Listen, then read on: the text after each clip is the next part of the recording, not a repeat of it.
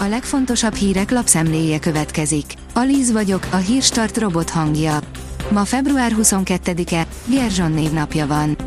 A G7 szerint dicsérik a német tankokat az ukránok, mint a Zsigulihoz képest egy Mercedes. Intenzíven zajlik Németországban az ukrán harckocsizók átképzése, akik nagyon elégedettek a Leopard 2-esekkel. Klára a mi reményünk. A DKPC fórumára még Somogyból is érkeztek lelkes nyugdíjasok. Dobrev Klára naftalin szagúnak nevezte a Fideszes elitet, és azt mondta, ennyi támogatásból egy baloldali, akár egy középszerű kormány is képes lett volna egy európai színvonalú ország felépítésére, de Orbánék nem, írja a 444.hu. A 24.hu írja, karácsony, aki erőszakos az nem antifasiszta. A főpolgármester a fővárosi közgyűlésülésén arról is beszélt, hogy az erőszak megítélésében nincs helye kettős mércének.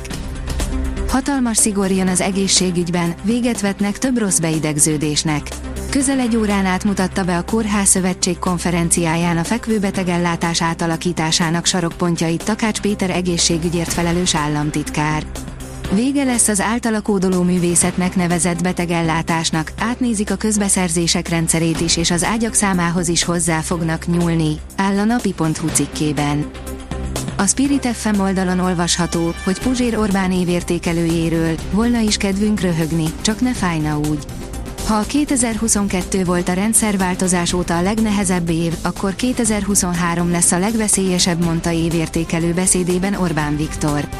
A miniszterelnök beszélt az inflációról, ami szerinte olyan, mint egy tigris, de elmondta azt is, béke akkor lesz Ukrajnában, ha az oroszok és az amerikaiak tárgyalnak. Pénteken megint nagyot esik a benzin és a gázolajára, közel a 600 forintos határvonal, írja a vg.hu. Pénteken a benzin és a gázolajára is esni fog, a dízel az év eleje óta már több mint 100 forinttal lett olcsóbb literenként.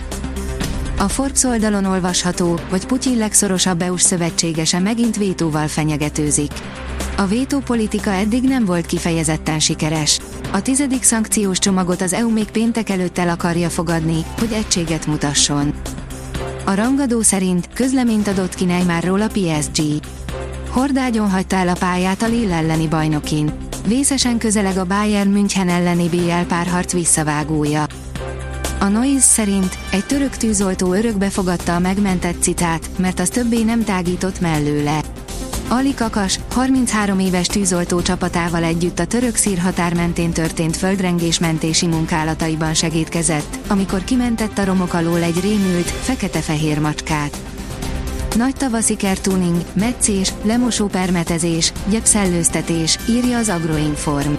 Nyakunkon a tavasz, ideje felkészíteni a kertünket a következő szezonra.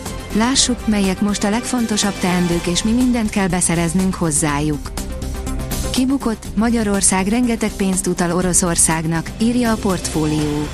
Öt uniós ország továbbra is importál árukat Oroszországból, és az ukrajnai háború kezdete óta több mint 50%-kal növelte a Moszkvával folytatott üzleteit. Magyarország kereskedelme ugrott meg a legjobban. A Liverpool legendája összeomlott a színfalak mögött, írja a magyar nemzet. Alison Bakiánál még méltatlankodott, utána már csak csendben szomorkodott. Az edző elfelejtette, mit értem el, panaszolja a Lipcsébe visszatérő kegyvesztett Chelsea csatár, írja az Eurosport. Timo Werner jól kezdte karrierjét a Chelsea-nél, de az első fél éve után a csapat edzőt váltott, Thomas Tuchel bizalmából pedig hamar kiesett. A következő nyáron aztán érkezett Romelu Lukaku, a drágán vett rivális miatt pedig Werner bűnbaknak és nem megbecsülve érezte magát. Hópelyheket is hozhat a hétvége. A hétvégén hideg front érkezik, mely a február végén szokásos értékek köré rendezi a hőmérsékletet.